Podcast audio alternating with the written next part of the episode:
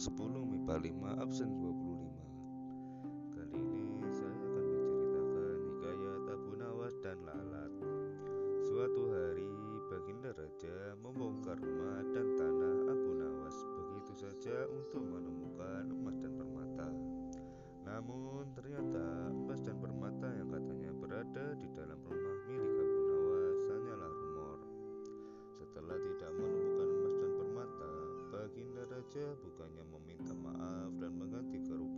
tetapi malah pergi begitu saja. Abu Nawas pun marah dan ingin balas dendam. Saat sedang makan bersama istrinya Dia menemukan seekor lalat di meja makan. Dan dia pun tertawa karena menemukan ide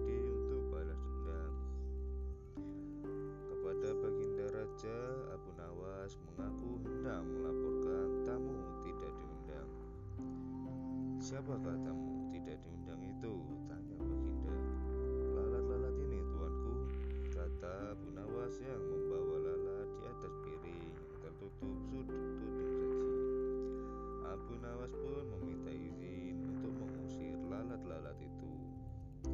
Baginda Raja yang sedang berkumpul bersama para menteri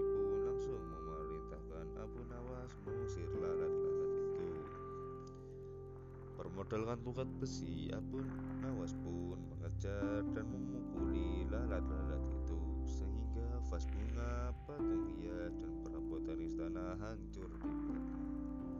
Akhirnya Baginda Raja menyadari kekeliruannya.